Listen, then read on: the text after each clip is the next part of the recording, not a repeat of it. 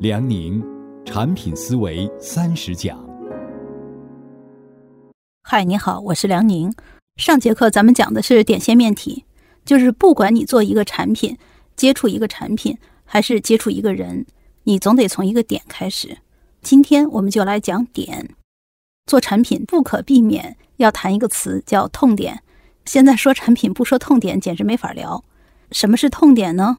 我搜了一下。在什么叫痛点的问题下，排第一的答案是：对于产品来说，痛点多数时候指尚未被满足的而又被广泛渴求的需求。这对吗？那肯定不对啊！没有被满足，它只是难受而已。但是你不能拿用户的难受当痛点，或者当产品的切入点。为什么？我在下面讲。反而呢，是有一些网友在讲自己的案例的时候，还是蛮有意思的。一个叫做子柳的网友说，手机上一天到晚都会收到推销的广告，恨不得把手机的通话功能都要卸载掉。直到我遇到了一个什么什么号码通，然后遇到了一些头痛脑热的小病，如果我要跑趟医院，得把人折腾死，又不敢乱吃药。这时候呢，有一个 app 就很好的解决了这个问题。另外一个呢，叫舒大畅的网友说，当年的海飞丝广告，我第一次去拜访岳父岳母，肩膀上都是头皮屑。老人看着我一脸嫌弃，面试的时候因为衣服上都是白点儿，面试官就皱着眉头，这都是很痛的事情啊。你注意一下，在上述场景中，用户决定他要用什么产品来帮自己的时候，用户会用的一个词是怕，痛点是恐惧。在下面呢，在一个社区上有一篇文章是叫做如何抓住用户痛点做产品。这篇文章也挺错的，所以我忍不住也想说一遍。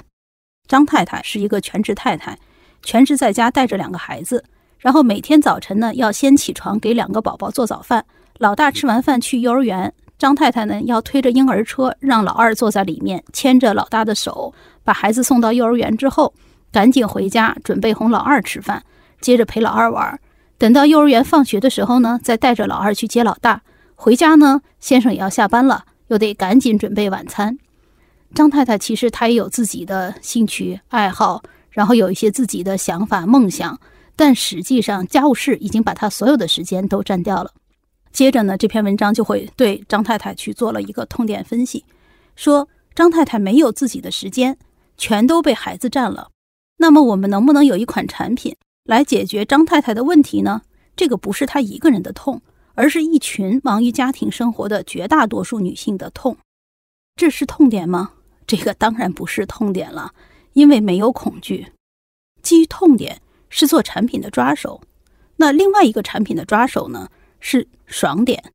什么叫爽点？人在满足的状态是愉悦的，而人不被满足就会难受，就会去寻求。如果说我有一个地方，我一寻求立刻得到即时满足。那这种感觉就是爽。百度的于军在招聘产品经理的时候，他出了一道题，说我们百度如果要做音乐，要怎么做？很多人都写了洋洋洒洒的一大篇规划书给他，只有一个人只写了六个字，就是搜得到，能下载。于军就挑了这个人，这个人就是李明远。当年啊，你想互联网资源非常少，上百度找音乐，自己想听的歌一搜就能搜得到，还能下载。这就是爽啊！今天，比如说 O to O，你在手机上点一点，吃的就能送到家来；在合力家上点一点，美甲师就能上门给你做美甲。你有需求，立刻满足，这就是爽。所以，我们回到刚才的那个场景啊，我们知道张太太她的梦想，她实现自我的想法没有被满足，这当然是个不爽的状态。但是，你的服务可以让她即时满足吗？你要做一个让女性实现自我的产品，但是问题在于，你能让她即时满足吗？就好像是打游戏顶一个蘑菇加十分，你做不到啊。如果你只是看到了她的不爽，但是呢，你找不到能够让她即时满足的方法，那么其实你依然没有找到这个产品的切入点。为什么？因为自我实现其实是一条非常漫长而且痛苦的路。我们已经说过了，人的本性是懒惰的，就是你所看到的一个人，他展现出来的勤奋、他的规整、他的自律，其实是被一系列的恐惧、集体人格、潜意识压迫，才会呈现出那个样子。所以，如果没有一条叫恐惧的疯狗追着，没有爽点这种满足感来持续喂养，只靠你说，哎，我能不能做一个 app 帮这些女性实现自我？那我可以告诉你，基本上这就是个不痛不痒的产品，没戏的。痛点和爽点说完了，我们刚才说了个词不痛不痒，所以呢，再说一说痒点。那什么叫痒点呢？其实这是我自己挖的坑。我之前在自己的公号上写过一篇文章，叫做“痛点痒点”，因为痛点今天已经是互联网万金油的概念了。但是今天满街都是创业者、投资人做产品的，只靠抓一个痛点做产品不容易。这时候呢，其实我们会发现这两年的一个现象，就是各种网红产品层出不穷。比如说什么网红奶茶呀、网红酸奶呀、网红曲奇呀、网红洗发水啊，这些产品能够成为网红产品，能够爆红，它是靠痛点吗？显然不是，他们靠的是痒点。什么是痒点呢？我来说一个韩剧《来自星星的你》，这是好几年前的剧了，我当时也是热追来着，并且我是当时就在想，说我为什么会追这样的一个剧？后来想，哦，因为它的痒点非常的打动我。这是一个什么样的故事呢？就是一个女明星和一个外星人的爱情故事。听上去这个故事的创意其实也没什么创新。那为什么当时那么火？比如说痛点控就会总结说：“哎，这部戏抓住了女性对于一个英雄和美少年的合体的想象，满足了这个痛点。如果说这个痛点是对的，但是只靠一个痛点，你怎么能够操作推出二十集九百分钟的内容？”对吧？让我们不停的趴着屏看，而且还得刷各种壁纸啊，做各种的小内容啊。这时候你再翻一翻百度贴吧，来自星星的你吧，看一下在帖子上大家都在聊什么。我当时在看的时候呢，有六百多万个帖子，就是为了这一个剧产生了六百多万个帖子。大家都在谈的是，比如说二千的衣服啊，二千的妆容与唇膏啊，教授的表情啊，他们的服装配饰啊等等，这些都是痒点，好不好？痒点是什么？这个其实我自己的定义了。痒点其实是满足你的虚拟自我。这句话有点深啊，我再说一遍：痒点满足的是人的虚拟自我。什么是虚拟自我？就是想象中那个理想的自己。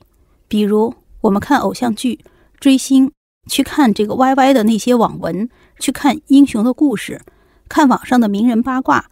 去看那些创业者的成功故事，你是在热追他们吗？不是，其实你会情不自禁投入去关注的那一些，是你的虚拟自我，是你自我的一个投射。所以，我们再来说说这一波的网红电商。其实，网红是营造了一种虚拟自我的生活，是大家理想生活的投射。所以呢，我们买网红的东西，就部分的实现了一个自己的小小的虚拟自我，比如。淘宝第一网红雪梨，在谈到他自己的运营经验的时候，他就会说：“为了营造更好的形象，每次上新，这是他们的淘宝的一个词，就是发新款的衣服。雪梨只有四十五公斤，很瘦，但是他要提前一周去节食，他还要让脸更消瘦一点，更上相。接着呢，他要用十天的时间去进行拍照、挑选和修图，你才能够看到在微博上看上去非常随意的一些街拍照片。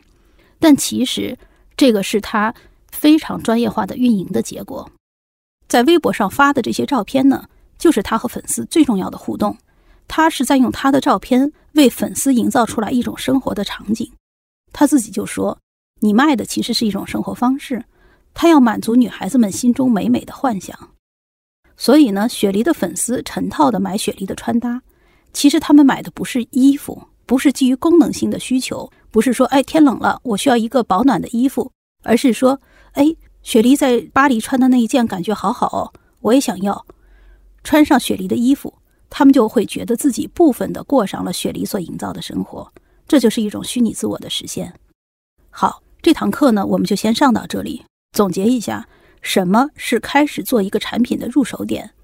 其实你找到了一种痛点或者是爽点。就是让用户能够马上得到即时满足的点，以及痒点都是不错的。这个呢，其实就看不同的产品经理他对哪个点的感受更深，然后以及他的手感是最准的。比如说，我们饿了肯定是要吃东西，但是呢，你吃饱了和吃的很满足其实是不一样的，对不对？你吃个馒头就能饱，但是仅仅是支撑了一个功能的实现，这个不是一个好的产品。你酣畅淋漓的吃了一顿海底捞火锅，大汗淋漓，感觉爆爽，这个抓住了一个爽点，是个好产品。我吃火锅怕长胖，所以呢，我抓住这一点的恐惧，其实呢也有产品空间可以做。或者呢，比如说你可以做一个美美的网红餐厅，就好像是雕爷做的那个薛蟠烤串儿，来一份干冰爆米花，吃一把，这时候你的两个耳朵就会往外冒那个干冰的白气，这个时候这个场景。大家都会拍张照片保存，然后发朋友圈。这是什么呢？这个是痒点。吃顿饭其实依然是有痛点、爽点、痒点不同的切入点来做这件事。这节课的结束，咱们还是通过作业互动一下。那你能不能介绍一下你现在正在做的这个产品？你的核心是在打痛点，还是打痒点，还是再抓爽点，或者三不沾呢？就在留言区留一下，我们互动一下。